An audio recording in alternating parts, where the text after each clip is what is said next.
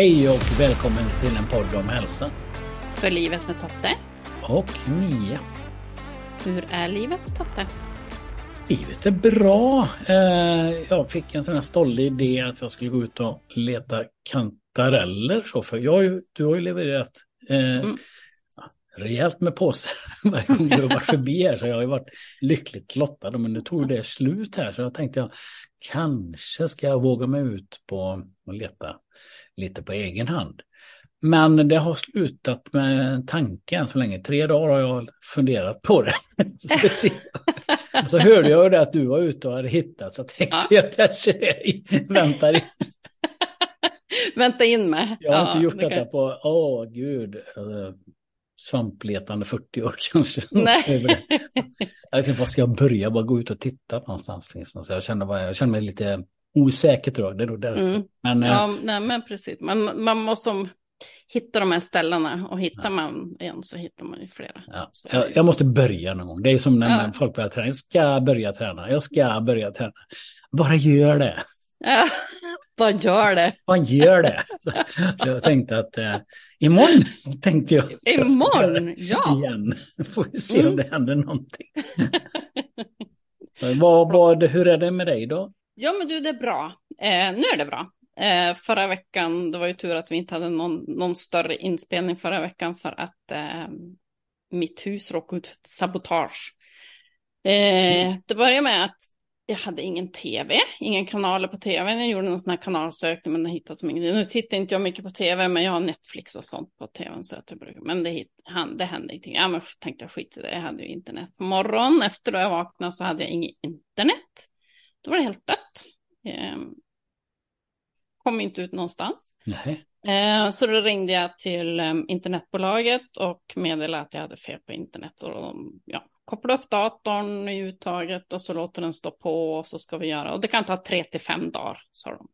Hopp, sa tre till fem dagar. Det ja, ja, men det var då jag skrev till dig att du ja. kan använda mobilen som eh, surf. Eh, ja. Och surfa då, via då. Dela ja. en internet där, just det. Exakt, då kom ju du med den där kloka idén att kunde, det hade jag ju som inte tänkt på. Men i varje fall på, eh, jag ringde hyresvärden också och frågade varför, ja, meddelade bara att det var felet att varken tvn och då fick jag veta att eh, ja, sa de, vi har råkat ut för ett sabotage. Då var det alltså någon som hade gått och klippt ledningarna här i huset till... Eh, Oj. Ja, det var avancerat. Så... Han, han var lite mm. sur på senaste um, räkningen. Eller... på leverantören. Tänkte att alla andra ska få lida också. Ja, kan nog vara så. Ja, men det är, är det ordning nu då? Mm. Sen på eftermiddagen då provade jag starta tvn och då, då gick tvn igång så kunde jag... Ja, ja, det tog inte tre till fem dagar i alla fall. Nej, nej, nej. nej. och så sen så ringde de från, från Skellefteå Kraft och frågade om jag hade internet och då provade jag och då, då funkar det alltihopa. Och då hade de varit nere i huset, de hade ju fixat till taglarna, eh, alltså kablarna där också, hade de även, det hade um, åkt ur någon switch, alltså det, det blir väl så, det blir väl som en typ av jordfelsströmbrytare. Ja, det slår av det, mm, säkerhetsgrej. Mm. Har du, har du, du ser det är sådana här allvarliga problem när man inte har kantareller i frysen längre och när internet inte fungerar, det är ju liksom kaos. ja, men det, det löste sig tack och lov. Men eh, ett litet onödigt sabotage kan man tycka. Ja, det låter som att han kanske inte var, mådde så bra psykiskt. Tänker jag Nej. oftast då att det finns en psykisk ohälsa där. Mm. När någon gör en sån grej så är det ju inte bara för att någon är arg utan det handlar kanske om djupare saker. Exakt. Så är det. Men ja, eh, intressant gäst idag. Vi, jag sa, ja. säger ju det i avsnittet sen att vi är ju på varsin sida gallret och jobbar.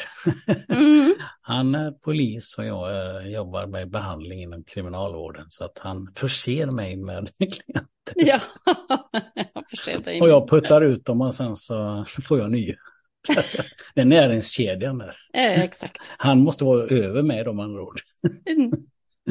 Det blir som en rundgång. Ja, nej, men det blev ett väldigt, eh, Nadim heter han ju och eh, mm. är ju lite halvkänd som man säger, tror jag han kallar sig själv. Men han är ju med i Veckans brott bland annat och, och har varit sommarpratare och lite allt möjligt. Så att, mycket ja. intressant personlighet och ett intressant öde och väldigt väldigt vältalig och välformulerad.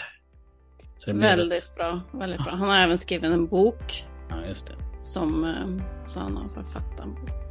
Men ja. nej, det har varit ett riktigt, riktigt bra avsnitt tycker jag. Ja, det var det. Så mm. vi växlar väl över bara och så lyssnar vi på avsnittet.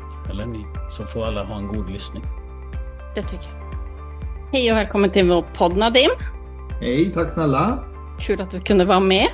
Ja, det ska bli spännande. Eh, ja. eh, vi tänkte att du kan väl börja med att berätta lite om dig själv. Vem du är. Ja, det finns en lång version, det finns en kort version. Jag ska försöka anpassa mig efter en poddvänlig version. Jag mm. är en man på 40 år, eh, jobbat som polis i snart, jag är inne på mitt 17 år eh, och eh, specialiserad, mitt huvudfokus just nu inom polisarbetet är brottsförebyggande frågor kan man säga. Sen har jag väl också utvecklats utanför polisen till någon slags halvoffentlig figur, en debattör eh, som har fått göra lite tv, var, var med i Veckans brott bland annat och har sommarpratat och släppt en bok och föreläser ganska mycket utanför mitt eh, polisyrke då, så jag, som jag är 20% tjänstledig för från jobbet för att göra det. Och sen så poddar jag och skriver och tycker och håller på. Opinionsbildar heter det väl. Det är väl du har hunnit med ganska mycket. Hur länge har du varit polis? Eh, jag har varit polis sedan 2006, så jag är inne på mitt 17 år. 17 året. Mm. Ja. Och eh, det är så intressant för vi, vi har ju några saker gemensamt du och jag i alla fall. Vi är mm. båda från eh, denna, denna regnmetropol Borås. så vi sitter i, du sitter i Borås nu med antar jag? Ja, jag bor i Borås. Eh, jag är egentligen född i, inte Ulricehamn, jag är uppväxt i Ulricehamn. Jag är född i Libanon och kom till Sverige som sjuåring. Just det. Eh, så jag är uppväxt i Ulricehamn, men sedan 2006 och sen började jag jobba som polis så har jag bott i och jobbat i Borås. Så ja, jag får väl titulera mig en stolt boråsare eftersom jag har bott här längst tid av mitt liv. Också många hoodies som jag har för att klara regnet. Ja, exakt. eh, nej, men sen så, så har vi ju en annan, vi jobbar ju båda inom rättsväsendet. Men då, då ska jag ju till säga att jag jobbar innanför murarna och utanför murarna då. För att jag ja. jobbar ju med KBT-behandling då. Eh, sitter med de här gängkriminella bland annat som du då. Ja. Eh, också ute och pratar mycket om och skriver, har skrivit mycket om också då som vi kommer att ta upp här framåt givetvis då. Mm. Så att eh, vi har ju båda, liksom, eh, tillhör ju rättsväsendet, men från lite olika perspektiv. Och det kan ju vara jätteintressant att diskutera hur du ser på det utifrån din och utifrån min. Då. Så att, då tänkte jag, du pratade om det här med att du kom hit som sjuåring. Då. Vad hade, när du kom då när som sjuåring, vad hade du för tankar, drömmar, visioner? Hade du någon bild av Sverige? Redan Nej, innan? jag hade ingenting. Jag hade absolut ingenting av Sverige. Mitt första intryck av Sverige var att det var kallt och det var mörkt. Och jag vet att vi, vår initiala tanke var, eller som mina föräldrar förklarade för mig varför vi flyttade eller flydde, var ju för att vi skulle först dels överleva men också få, ett, eller få chansen till att skapa något bättre liv än vad vi hade fått i Libanon. Det var allt jag visste. Men jag hade absolut inga drömmar, inga ambitioner eh, eller liksom ingenting som jag drömde om och det här ska bli mitt nya hemland. Utan fokus var väl överlevnad liksom. Fick du lämna mycket kvar där? Jag tänkte kompisar och så. Hur kändes det? Var det? Ja, men det är klart, alltså sju mm. år är man ju ändå, ja, man har ju minnen och man har ju, vi har ju en stor släkt och mycket familj och väldigt mycket vänner. Och så man har gått igenom saker och ting med när man, alltså i de tiderna som vi levde i Libanon. Så det är klart jag fick lämna mycket. Allt som var en, någon slags trygghet fick, man ju, fick jag ju lämna kvar. Mm. Mm. Du, du är beskriver i boken att du blev som en typ slagskämpe, en lite, ja, nästan mobbare, som jag förstår det då jag läst boken. Ehm, hur, hur kom det sig att det blev så? Vad har du själv för tankar runt det? Jag har mina egna tankar, men sen har jag ju bollat lite av de här tankarna med eh, terapeuter och lite sånt där under tid eller under livet när man har utvecklats och hanterat vissa saker. Jag tror att det handlar om klassisk osäkerhet och klassisk härskarteknik på något sätt. Att jag tog den lilla makten jag kunde ta och det jag inte kunde ta satte jag mig på istället. Så att om någon av mina vänner spelade hockey och jag hade inte råd att spela hockey. Då var ju mitt sätt var ju att snacka ner hockeyn och håna hockeyspelare och vara elak mot hockeyspelare när någon retade mig för att jag pratade oren svenska så var det ju lätt att ta till våld i de fallen. För jag har alltid varit stor och stark. Och våld är tyvärr en billig nyckel, ett, ett, en billig, ett billigt knep att ta till när man inte mår så bra. För att för våld, på något sätt så ger det en, en belöning för en person eller för en hjärna som känner sig trängd eller kränkt. Så blir våld ett sätt att eh, det frigör kanske lite dopamin, jag vet inte, men det, det känns tyvärr bra när man känner sig utsatt och mår dåligt. Och det är ju direkt destruktivt som vi behöver prata mycket, mycket mer om. För jag tror att en del av det som jag växte upp med och som väldigt många unga pojkar och män eh, känner, det är att svåra känslor oftare är förknippade med ilska och ilska är nära besläktat med våld. Så kan du nog svara på en hel del frågor till varför vårt samhälle ser ut som det gör idag. Mm. Jag brukar prata om det här med eh, vilken eh, våldets funktion pratar jag ofta med mina klienter om då att man, har, det, det får, man får ju en belöning då när man får utlopp för sin ilska. Helt enkelt. Och det blir ju en omedelbar, vi pratar om Bob här, beteende omedelbar belöning. Och det innebär ju att, ja men okej, nu är jag arg och jag smäller till och det känns jäkla bra. Det är destruktivt. Kortsiktigt så får du ju den här omedelbara kicken. Och det är den som kan förstärka ett beteende och du får status och då visar, nu visar du här, mig sätter man sig inte på. Och då fyller den en funktion utan att värdera. Egentligen så är det varför vi gör som vi gör. Det fyller ju alltid, det finns ju alltid en, ett syfte, fyller alltid en funktion då. Mm. Vad tänker du om det? Jag håller helt med och jag vet, jag håller helt med. Jag vet första gången jag sa, om det var på en föreläsning eller om det var en, jag kommer inte ihåg vilket offentligt sammanhang jag sa att våld känns bra. Eh, och det blev lite liv om det. Att här står han som jobbar som polis. Nu står jag inte i polisuniformen. Men jag sa det och det måste man ändå. Och det är ändå en aspekt, precis så som du säger. Ni som är utbildade på området vet ju om det här. Och det är något som, som jag tror man behöver prata mycket, mycket mer om. Hur våld känns inom unga vilsna män främst. Det blir ett maktmedel att ta kontroll med också. Liksom.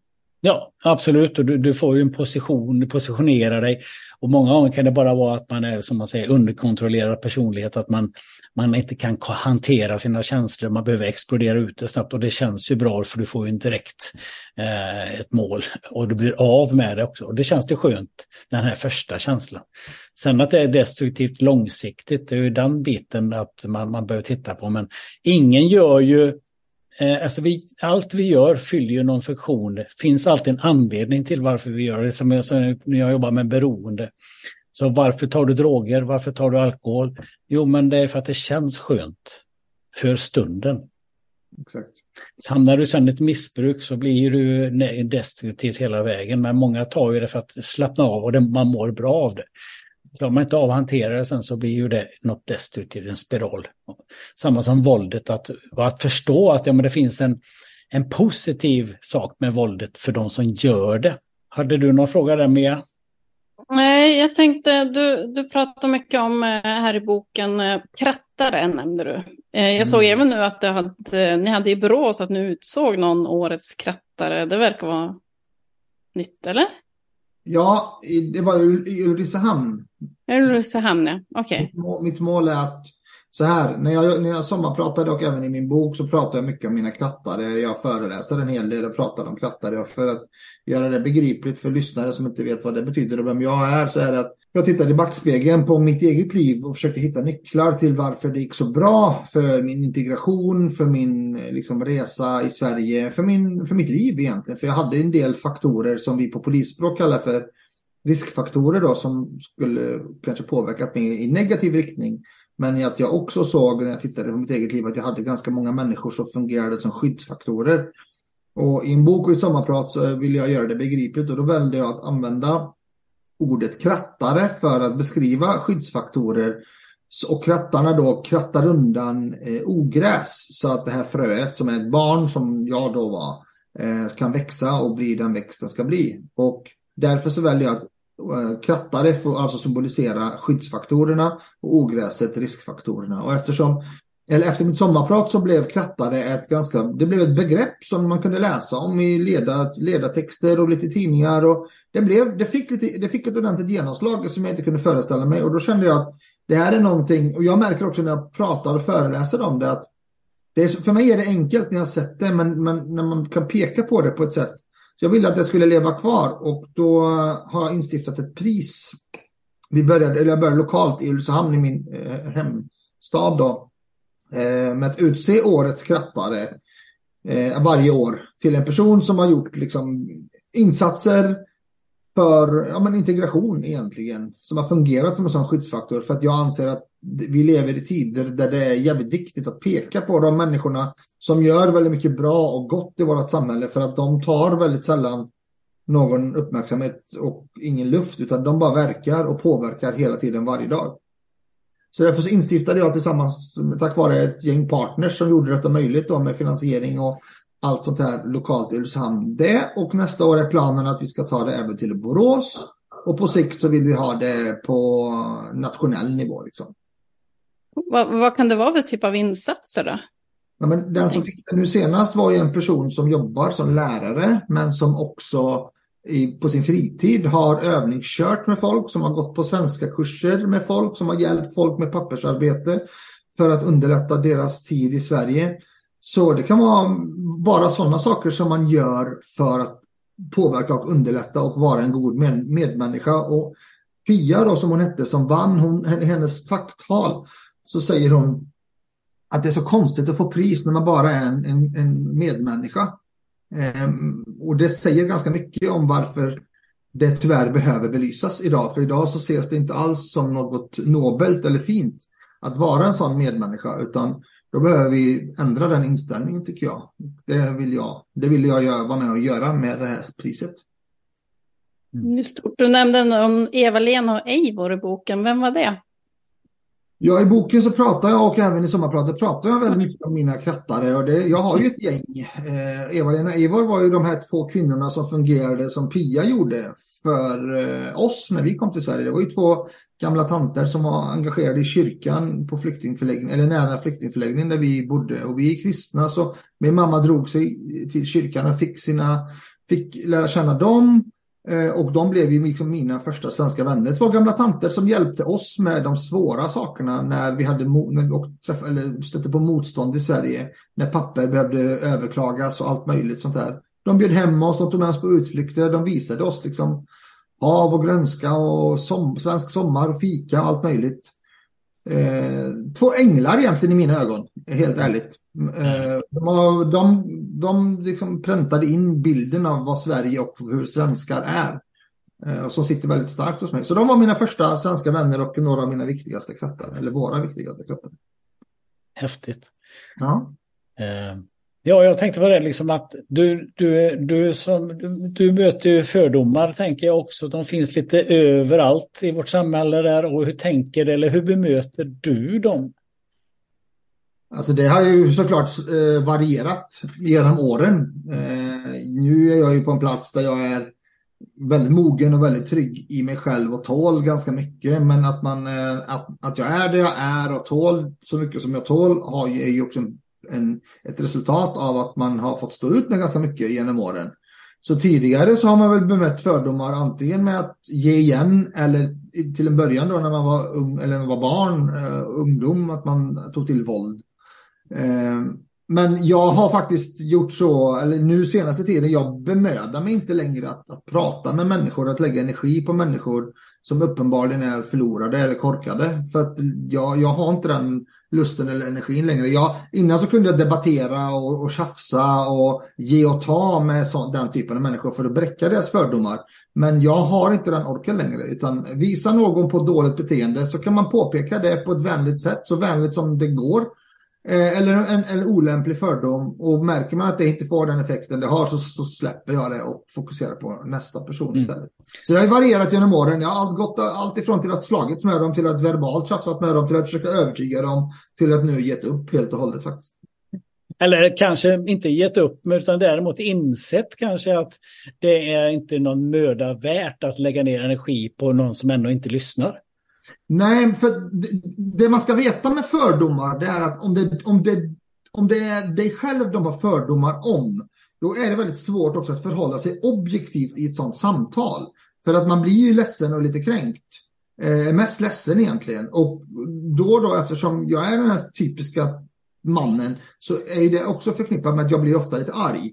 Och man plockar inte fram sina bästa sidor direkt när man är arg. Eh, och därför så känner jag för att bespara mig själv den ilskan och kanske något slags att jag ger igen eller säger något olämpligt tillbaka, vilket jag absolut har gjort genom åren. Eh, så, så förhåller jag mig till det på, på ett annat sätt. För att jag märker också att människorna som är mycket mer förstående och utbildade och kunniga är så jävla många fler. Så att de här, de här som inte är, liksom, de, de här som är förlorade, är inte, de förtjänar inte min tid eller min energi. Så ser jag det faktiskt. Jag tänker att det är en smart taktik att använda sig och spara energin till de som behöver det istället. Och din egen energi och sinnesro som man brukar kalla det. Mm. Att för ditt mm. eget välmående, mår du bra så kan du också göra ett bra jobb. Men om du lägger ner för mycket energi och krigar och strider eh, för allt som är egentligen bara hålslag i luften så har du inte mycket kvar till dig själv sen. Nej, men vet du vad, så är det faktiskt. Och det blir ett wake-up call när man förstår hur mycket det här påverkar en och hur mycket man själv blir en sämre version av sig själv när man håller på med det där hela tiden. Eh, till slut så sänker du dig till deras nivå och blir lika dum själv. För jag är inte immun mot dåligt beteende. Jag är absolut inte fredad ifrån dåligt beteende själv heller. Så att det är först när man inser det att man blir påverkad istället för att tro att man pallar och ta, orkar ta hur mycket som helst. Så det, det är både självinsikt men också ett, ett medel för sinnesro. Ja, det som jag Mia har ju ett, en devis som vi båda lever efter, lev och låt leva. Ja. Det är ju det där att släppa taget om sånt som vi inte kan förändra ändå. Och det är ju många sådana lägen att okej, okay, är det värt det? Nej. Förr som du sa kanske, du kanske tog alla striderna då, det var lite mer hetsig. Ja. Medan när, när, du blir lite äldre nu då så känner du att ja, men det är inte värt. Så. Ja, ja, absolut, absolut. Men det krävs nog några misstag och några utbrott och några, några fall av... man trampar på några miner innan man lär sig det tror jag. Lite trött tillräckligt många gånger så kände jag bara ja, nej. mm. hur, hur, hur gick det till när du blev polis då? Hur kom det sig? Eh, det var en ren slump, helt ärligt. Den, eh, jag, eh, jag var 19 år hade gått igenom hela svenska grundskolan, gymnasiet, hade OK, OK godkända betyg, hade svenska språket bättre än många svenskar. Eh, och gjorde lumpen. Och eh, jag har följts åt med en kompis som jag skriver och pratar om i boken som heter Tobbe, ända sedan trean. Vi följdes åt hela vägen från trean till trean, även efter trean på gymnasiet så gjorde vi lumpen tillsammans. Eh, vi har exakt samma CV, men när vi sen efter lumpen skulle sätta oss i hans källare och söka jobb Eh, så sökte vi alla jobb som fanns och ganska så omgående upptäckte jag att han blev kallad på betydligt fler intervjuer än vad jag fick. Jag tror han blev kallad på sex och jag blev kallad på en. Och då blev jag väldigt arg för den, då upplevde jag en slags orättvisa som, jag menar jag har gjort allting rätt i princip. Eh, och jag har samma CV som grabben bredvid mig men jag har ett annorlunda namn. Eh, och därför så var det, fick jag färre öppna dörrar i min framtid. Och då mindes jag det jobbet jag blev kallad på på intervju, det fick jag för övrigt. Och där så på ett utvecklingssamtal så frågade han mig eh, vad, vill du, vad ska du jobba med när du blir stor? Liksom? Och så sa jag, men jag vet inte riktigt. Det var, det var inte helt enkelt att få jobb, men det var en polis en gång till mig som sa på en gymnasiemässa så mindes jag att hon sa att vi behöver människor som dig inom polisen. Eh, och med människor som mig menar jag människor med annan etnisk bakgrund, annat språk och kultur och sånt där. Och det behöver vi. Vi behöver verkligen andra människor än, än, äh, än normen inom polisen. Och den, de orden satte sig i mig. Jag, jag kommer ihåg dem när jag väl... Mm, polisen öppnade en dörr på glänt och jag sökte därför dit. För att jag kände mig att jag var välkommen hos polisen. När övriga arbetsmarknaden eh, inte fick mig att känna så. Och bara på grund av jag, att hon sa den meningen till mig att jag kände mig välkommen hos polisen så sökte jag till polisen. Och jag kom in och jag åkte dit. Och sen blev det ganska bra. Det blev en ganska bra match faktiskt, men det var absolut ingen barndomsdröm. Det var ingenting jag hade fantiserat om att jag skulle bli någon gång. Tvärtom så blev det lite chockartat för mina föräldrar. Men det blev bra. Det blev bra. Vad hade de för tankar att du skulle bli då? Nej, men du vet, klassiska invandrarföräldrar som flyttat till ett nytt land. Jag ska bli arkitekt. Och ja, läkare, tänker jag. Ja, exakt. eh, så att eh, det var det sådana tankar, men det, det, det, det, blev bra. Det blev bra. Eh, jag, jag, är glad för det. Jag har inte ångrat en dag i mitt liv sedan jag blev polis, förutom när jag krockade. Jag krockade 2010, ganska allvarligt. Då ångrar jag som fan att jag blev, att jag blev polis. Ja, men jag har varit väldigt nöjd och glad. Ja, det var i tjänsten den krocken var också va? Ja, det stämmer. Vi krockade när vi jagade en, en smitningsolycka, eller en, en smitare, en kille som hade kört in, eller en kille, jag vet inte, en bil som har kört in i en annan bil och stuckit till från platsen. Ja, och du fick ganska allvarliga konsekvenser förstår jag för dig där, eh, för din hälsa helt enkelt. Ja, ja vi, vi körde efter den. Vi körde ganska fort och eh, halvvägs upp till Frista i Hybergskorset så är det en lastbil som gör en U-sväng framför oss eh, när vi kommer med fullt, fullt ställ. Och jag sitter som passagerare och eh, får en dashboard injury. Jag lyfter upp knät, jag får instrumentbrädan på knät. Knät skjuter höften ur led och upp i ryggen och krossar den i princip. Så att jag har en höftprotes idag eh, tack vare den olyckan. Så man har offrat lite för det här jävla jobbet kan jag säga. Men, men där och då, de här, det, det, året eh, innan jag kom tillbaka och återhämtade mig och fick den här protesen och sådär så var det, det var väldigt tufft mentalt och ställa in sig på vad fan jag gett mig in på. Liksom. Mm. Vad tänker men... du, vad gör det till en vad gör dig till en bra polis? Vad ser du liksom med dina fördelar? Jag har många egenskaper som passar en bra polis tror jag. Jag har en ganska hög social kompetens, jag har en ganska hög tolerans och jag är väldigt kommunikativ verbalt. Jag kan prata ner de flesta helt ärligt. Och sen är jag eh, fysiskt stark när det väl behövs ta, tas till våld, vilket tyvärr inte alltid behövs. Men framförallt så det jag bidrar med till polisen, förutom de här egenskaperna som väldigt många poliser har, Eh, Eh, det är att jag bidrar med en kulturkompetens från liksom, min kultur. Jag bidrar med en språkkompetens. Jag bidrar med att krossa vissa fördomar, att skapa en viss förståelse. Så jag, jag bidrar nog mer, in, eller jag bidrar lika mycket internt för, för polisen genom att vara den jag är och komma med paketet som jag är. Som jag bidrar med ute, att representera att uh, små pojkar kan se att sådana som ser ut som jag eh, när jag blir stor kan bli poliser. Eh, för representation spelar roll. Det finns massa undersökningar och forskning på det. Så att det är nog de sakerna jag bidrar med tror jag mest. Om jag får spekulera. Mm. Jag tänker... du, säger, du säger någonstans att eh, en poliskår med mångfald är bättre ja. än, än utan. Hur, hur menar du med det? Är det det du nämner här? Att du har att det är olika bakgrunder och... och... Ja, Ja. Polis, polisen är ju ett, polisen är en maktfack, eller alltså en, en, en, maktmyndighet. Vi håller på med maktutövning, vi håller på med våldsutövning och det, vi tillhör demokratin. Och all offentlig makt ska utgå ifrån folket, det står det liksom i regeringsformen.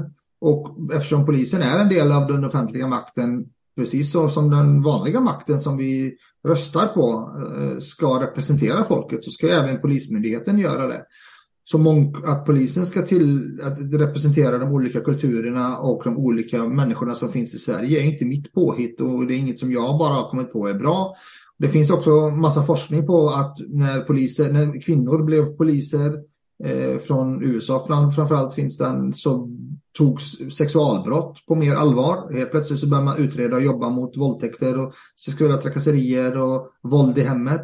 Och sen så finns det samma sak att när svarta poliser blev poliser i USA så blev, började den svart, svarta befolkningen, eh, eh, delen av befolkningen också ah, i högre grad anmäla brott för de såg polisen som sin.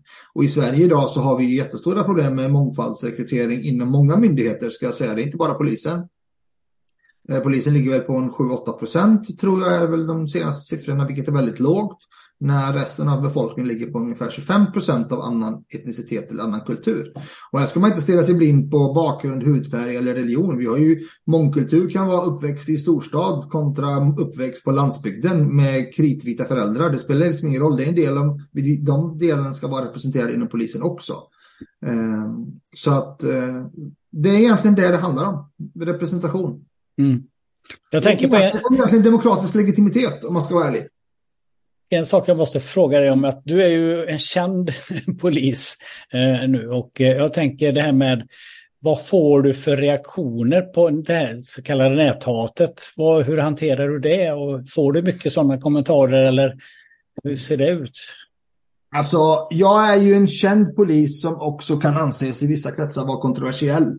Ja. Eh, men jag är väldigt, jag upplever väl att jag är extremt omtyckt eh, och uppskattad och jag är inbjuden att få göra väldigt många saker samtidigt som jag har en del där ute som absolut inte gillar mig. Eh, om det är på grund av saker jag har gjort eller sagt vet jag inte. Jag tror att det största, jag tror att de största, den största som folk letar sig på med mig är att jag är, eh, att jag tar plats, Eh, att jag syns och hörs, att man kanske inte håller med om saker jag tycker och att jag är en, en person med min bakgrund och min hudfärg som också har blivit någon slags, ja men vad fasen ska man säga?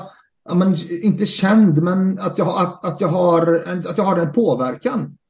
Eh, det tror jag folk stör sig på.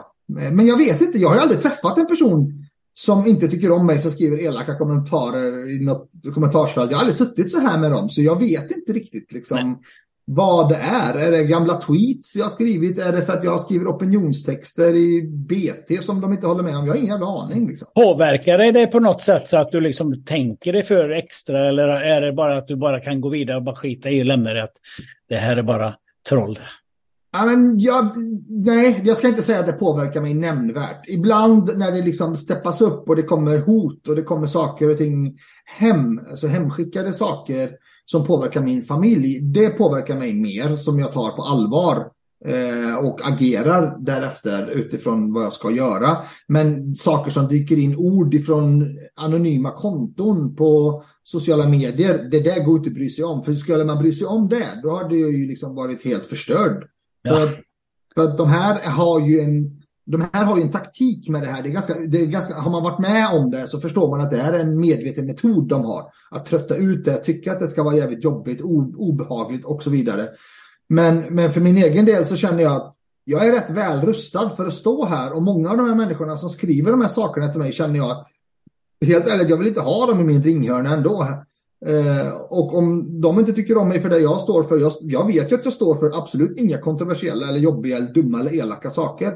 Jag står ju egentligen för att alla ska ha det bra, tryggt och säkert och rättvisa och demokrati. Det är vad jag står för. Eh, så då tänker jag, då, så för det mesta så absolut, men när det, när det går över gränsen, när de mm. repar min bil eller skickar skit hem och sådär, då behöver jag agera. Det jag, jag tänker på att jag jobbar ju också med kriminella dagarna i ända och du eh, gör ju det på ett annat sätt utanför murarna. Då. Men jag tänker det med avtruppning och eh, du har ju även talat om det med radikalisering och avhumaniseringen. Och jag har ju känt några personer som har blivit poliser eh, genom åren. Jag har ju varit i rättsväsendet i 30 år och många som har jobbat som kriminalvårdare blir ju sen även poliser. Det är inte helt ovanligt steg att ta. Men eh, jag kan också uppleva att många av dem blir väldigt cyniska och som du har pratat om, radikaliserade utifrån att man bara ser skiten hela tiden. Man får plugga, det är väl lätt att bli tunnelseende. Vad tänker du om det? Ja, jag, jag, jag håller med dig. Jag tror att det är ett... Eh, bland det bästa man kan göra inom polisen det är att byta olika tjänster ofta. Att inte vara fast på en och samma plats.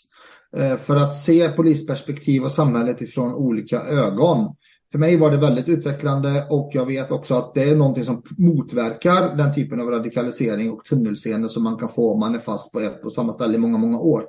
Sen så tror jag också att det är en medvetenhet man måste vara medveten om själv. Alltså man måste aktivt jobba med det, att förstå att världen som jag ser det med mina två ögon är inte den absoluta sanningen om hur världen ser ut. Jag jobbar som polis, jobbar jag som polis i yttre tjänst, det är bara elände du ser. Mm. Det är i princip 99 procent. Jag, jag förstår att man kan hamna i den onda spiralen, att man tror att, att man blir cynisk. Jag tänker, hur, fångar, hur fångar organisationen upp de här personerna eh, genom, alltså eh, tala om etisk värdegrund. Finns det någonting, jag vet i kriminalvården har vi väldigt mycket samtal kring det här hur vi ska bemöta och hur, vad vi ska tänka på. För det är så lätt att man hamnar i den här eh, eh så att säga, tunnelseendet då. Hur jobbar polisen med de bitarna, att fånga upp de här personerna för att förhindra att man blir avtrubbad? Jag skulle önska att jag hade kunnat presentera ett, ett, ett sätt som vi gör, men jag har inget jag har inget sånt, eh, utan jag tror att det är upp till den enskilda gruppchefen som upptäcker något sånt hos sin medarbetare att sätta igång någon slags samtalsterapi eller vad det nu än kan vara. Jag vet inte, jag har inte varit med om att det har hänt heller ska jag säga. Fast jag har varit med om att det har hänt att poliser blir cyniska och eh, får en ganska skev världsbild. Men jag har inte varit med om att någon har liksom, vi behöver prata om det här, vi behöver ta tag i det här. Däremot försöker man väl jobba med i större drag liksom med grupper, med handledning och lite sånt här när det krävs och behövs. Men det är inget, det är, där verkar ni vara bättre än vad vi är tror jag. Ja, och det tror jag, det, det, har man jobbat. Jag har jobbat som sagt i 30 år som är personalutbildning. Mycket. Man börjar ju redan där tala väldigt mycket om värderingar, människosyn och sen försöker man ju hela tiden ha det levande i olika under veckor och år så, här, så att det finns liksom hela tiden en övningsbank där man utgår från. Jag tänker att det är ju lika viktigt, men inte egentligen kanske ännu viktigare inom polisen som bara ser baksidan. Ja, jag tror tyvärr dock också att det är helt fel tid för det här. För idag så ses ju samtal om med... Eller vad, vad var det du sa? Eh, eh, eh, vad, vad, sa du för ord? Med, ja, med, alltså etisk värdegrund, att man samtalar om... Eh, ja, exakt, värdegrund. Ja. Idag ses ju samtal om värdegrund och, och människosyn. Det ses ju som politiskt korrekt och skitsnack idag, liksom, som folk inte vill ta, ta till sig. För att man, det, det, det är absolut en tid det är, en, det är en drömtid för sådana som vill radikalisera andra och skapa fiender eh, hos andra att leva och jobba i. Polariseringens eh, marknad. Oh ja. Men jag, jag, tänkte i någon intervju nämnde du där att du ville jobba som en brobyggare. Kan du nämna någon bro som vi kan hjälpas åt att bygga? Hur ska vi göra dem starkare, de här broarna? Ja, men alltså att det är ju upp till egentligen. Jag ser mig själv som en brobyggare i vissa delar. Men eh, till exempel att jag bygger broar mellan människor som har förtroende för mig, men kanske inte så mycket för polisen. Och så är jag polis och så kan jag bygga ett förtroende mellan polismyndigheten då genom att jag är jag och de som är långt ifrån polismyndigheten. Jag kan även bygga broar omvänt. Jag kan, jag, genom att jag är den jag är med den kompetensen jag har som jag bringar in till polismyndigheten och förklarar olika kulturella skillnader, hur det kan yttra sig. Till exempel att kommer du hem till någon med, från Mellanöstern så är det ganska ofint att eh, tacka nej till kaffe eller te. Man behöver inte dricka det, men ta det, sätt dig, samtala. Det är liksom en, en, en öppning för ett, ett samtal. Man kan vinna förtroende genom att, en sån gest. Den typen, men också för jag är någonstans i mig så finns ju den här konstiga hybriden mellan svenska samhället och polisen och demokratin och människor som kommer från länder som inte förstår det här som vi har nu. Och i mig så kan jag, jag förstår ju båda delarna och däremellan upplever jag att man kan bygga, eller att jag kan bygga en bro. Jag har svårt för att tala om hur andra kan bygga broar, för jag, det är väldigt, väldigt eh, individuellt med vad man har för kontaktnät, ambitioner och kunskap. Men däremot så tror jag att om man tillhör olika grupper i samhället som där man står långt ifrån en annan grupp och det är väldigt polariserat och segregerat och man träffas väldigt, väldigt sällan så anser jag att är man medveten om vilken påverkan och vilken makt man har i ett möte med en annan människa i ett samtal med en annan människa så kan det bara, bara det mötet kan ju fungera som en dörröppnare eller en, bro, en brobyggande. Som mina krattar till exempel gjorde för mig. Men den polisen som sa vi behöver människor som dig inom polisen. Det var en mening som hon sa, som har sagt till tusen andra. Men för mig var det en direkt bro in till polisen, en dörr in på något sätt som påverkade mig. Så jag tror att bara medvetenheten om vad vi sänder ut och vad vi lämnar för avtryck bakom oss i våra medmänniskor räcker ganska långt om man tänker på det.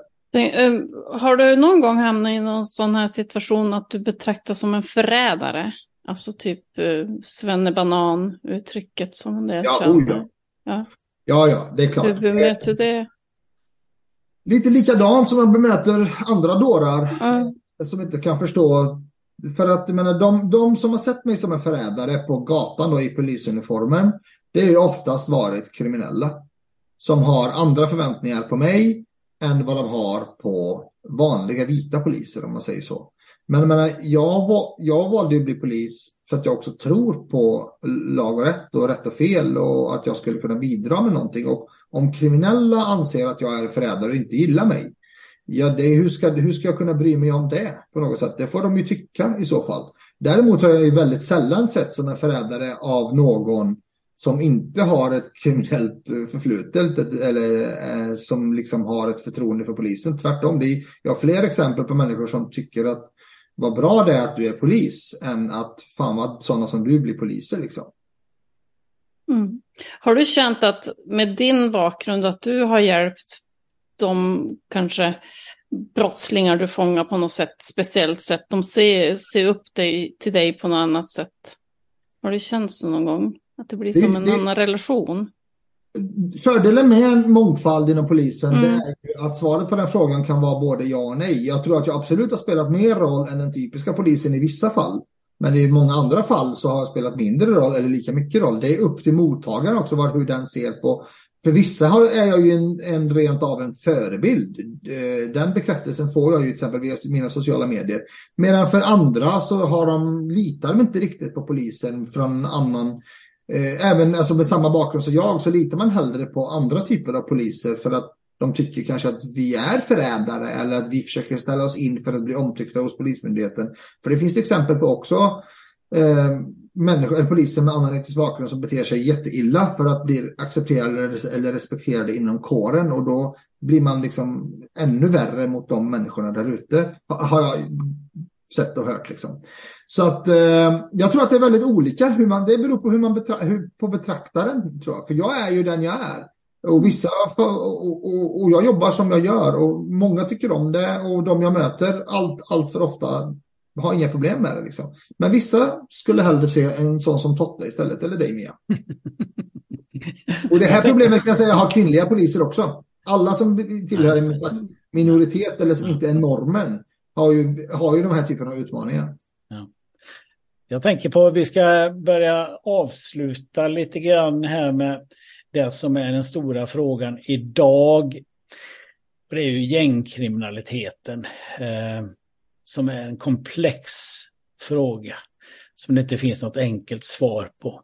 Det är som jag brukar säga att jag jobbar ju med individerna på individnivå och jag kan se att det i de samtalen jag har med de här killarna, vilsna killar som använder våld och funktionen fyller liksom en, de har, den är en positiv, de vet inte så mycket annat heller och de ser kanske ingen framtid många gånger heller.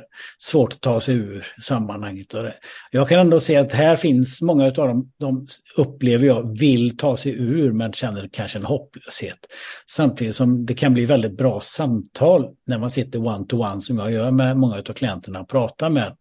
Det är på individnivå. Jag fångar upp några promille då. Sen har vi det stora samhällsproblemet med gängkriminalitet som du är engagerad i och jobbar mycket med. Eh, och jag tänker i Borås eh, har du väl varit engagerad i de frågorna ihop med eh, säkerhetschefen här också, Rangbar Mohammad. Och ni har varit ute och snackat mycket om det här i skolor också kan jag tänka.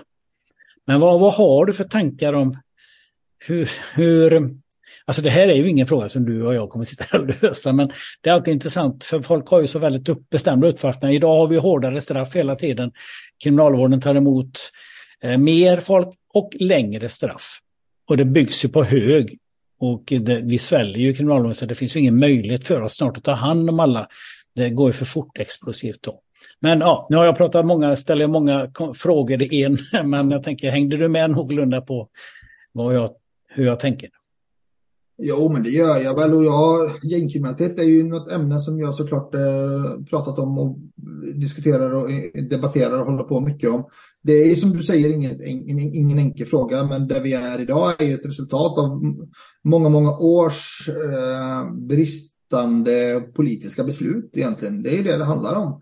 Allt ifrån bostadspolitik till skolpolitik till migrationspolitik till integrationspolitik Ehm, till kriminalpolitik och, och att man har tillåtit parallella samhällen och övergett eh, platser där myndigheter och så svenska representationen har övergett platser med människor med väldigt många olika kulturer på ett och samma ställe där man har lämnat ett slags vakuum, ett maktvakuum att fylla som inte sällan har tagits av kriminella krafter med våldskapital. Och det här våldet som vi har sett nu spilla över på övriga samhället, det är ju, det är ett våld som har under många, många år funnits i de här eh, områdena, socialt eftersatta områdena eller särskilt utsatta områdena beroende på vilket ord man väljer.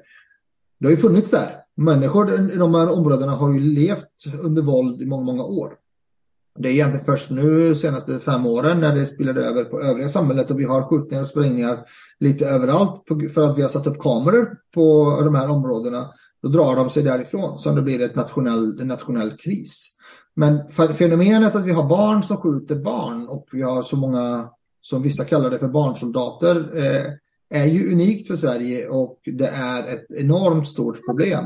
Och det är ett tecken på väldigt många olika saker. Vi har liksom en, en, en bristande samhällstillit på många av de här områdena där människor med barn som har problem eller särskilda behov inte litar på, på myndigheter, på att socialtjänsten är en hjälporganisation, på att eh, psykiatrin är till för att hjälpa, på att polisen är till för att hjälpa. Utan det, och så man, man, man söker inte och tar inte den hjälpen de vill ha.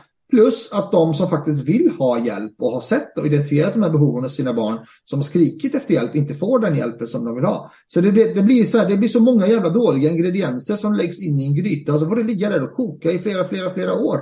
Och sen kommer en explosion tillbaka. Och så undrar alla vad är det som har hänt? Och så vill man ha enkla svar och man skriker uppåt och de som är längst upp vill servera någonting som människor kan ta på. Då är det siffror in till kriminalvården, det är mer kronor och ören till polisen.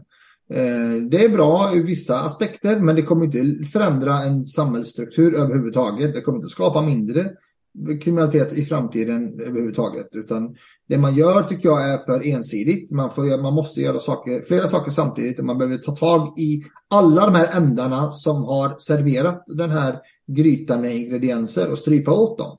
Men just nu så tittar man på en eller två istället för att titta på alla tio. Kan vi förebygga det här på något sätt? Ja, det man måste förebygga är att identifiera vad är det som skapar kriminalitet och det vet man ju. Blir, återigen pratar vi livsvillkor, vi pratar riskfaktorer, vi pratar vad är det som skapar kriminalitet. Och så måste man sätta in resurser och man måste sätta in insatser som fungerar som skyddsfaktorer som för att jämna ut balansen mellan, om, du har tio, om ett barn har tio riskfaktorer med en skyddsfaktor, ja, är det ju risken att det hamnar i kriminalitet mycket, mycket högre än om du har tio riskfaktorer och tio skyddsfaktorer. Vi måste jämna ut balansen, jämna ut oddsen så att vi får bättre utfall och bättre förutsättningar att bygga en slags framtid på. Idag så görs ju inte det. Polisen är ingen jätteskyddsfaktor egentligen. Skyddsfaktorerna är ju socialtjänst, skola, fritid, närvaro av vuxna, föräldraskapsstöd, eh, resurser, psyk eh, sjukvård, psykiatri, utredningar, mediciner, särskilda, alltså det finns så jävla mycket att göra. Men man gör inte riktigt det. Och ingen har gjort det på många, många år. Så att eh, jag är inte alls förvånad och ingen som har jobbat i den verkligheten som vi har idag är förvånad vill jag påstå. Utan många har sett det här komma liksom. Vad, vad tänker du? Vad tror du om du skulle sia in i framtiden om 5-10 år? Var är vi då med gängkriminaliteten?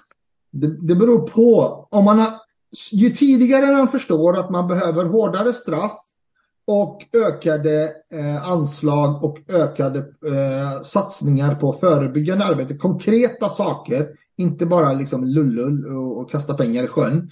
Man behöver göra båda sakerna samtidigt. Om man gör det, då finns chansen att man jämnar ut balansen, man minskar, man minskar förutsättningar för kriminogena miljöer att verka. Då har vi en chans att det blir lite bättre om 10, 15, 20 år. Men om man inte gör det och fortsätter på ett enkelt spår, det här eh, hårdare tagstraffet bara, för jag är för hårdare tag också ska jag säga. Jag tycker att vi har, haft lite för, vi har varit lite för slappa i Sverige i många, många år. Så man må göra det, och om man bara gör det, då kommer vi att fortsätta utarma, alltså skapa fler, sämre livsvillkor och fler riskfaktorer. Ja, då kommer vi bara se en ökning av kriminalitet. Så jag ser inget slut på det än. Nej, men det är som du säger, det, det är viktigt att vara nyanserad här och inte tro att det finns enkla lösningar utan man måste ta ett brett grepp om det och det är ju politiskt. Man måste sätta igång här, här och nu. Ja. Eh, så att man ska kunna förebygga det på något sätt. Då.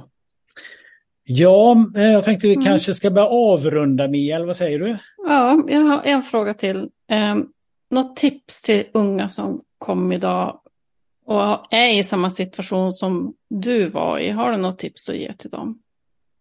Ja, mitt bästa tips jag kan ge till unga är att ilska, eh, obearbetad ilska och våld har aldrig lett till någon bra plats. Allt dumt jag har gjort, allt dumt jag har sagt har kommit ifrån eh, ilska och något slags eh, våld, verbalt våld eller fysiskt våld. Och det, har inte, det har inte gjort mig till någon bättre person, tvärtom, utan det här, de här sakerna måste man förstå är rent destruktiva även om de känns bra. Det är precis som narkotika. Det känns bra för stunden men det är destruktivt i långa loppet. Ju tidigare man förstår det och den andra delen som jag vill skicka med är att barn och unga som lyssnar på det här måste tyvärr ta ett mycket, mycket större ansvar över sin framtid än vad jag behövde göra. Jag, eh, det sociala straffet som jag växte upp med var inte lika högt. Idag om du döms för brott eller hamnar i fel miljöer så får du betala ett mycket högre straff än vad jag fick göra, och, eller vi då fick göra när vi växte upp. Så man måste ta det ansvaret och ju tidigare man fattar att man måste ta det och orka ta det, ju bättre bäddar man den sängen man ska ligga i framtiden. Ja. Mm. Men då så, det var ett eh, intressant samtal. Har du, någon, har du någon ytterligare fundering innan vi eh, säger hej då? Eller några tankar, något som du skulle vilja ha sagt?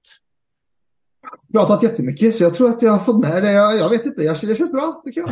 Vi sa ju 45 minuter ungefär. Jag tror ja. att vi, vi höll oss på det. Ja, bra. Skick, skickligt gjort. Ja. Nej, men supertrevligt att prata med er Nadim och eh, vi kanske får anledning att återkomma till mer specifika frågor. Så det kan ju vara liksom att man fångar upp en enda fråga. Nu har vi ju tagit en helhetsgrepp på dig som person och tankar i stort. Och sen så kanske man kan, eh, när du är engagerad i något projekt, eller krattare eller vad det månde vara, eller någonting med gängkriminaliteten, så kan vi komma in och köra ett specialavsnitt där. Absolut. En... Ja, så tack så mycket för att du ville medverka. Tack så mycket. Ha det så bra. Hej. Hej.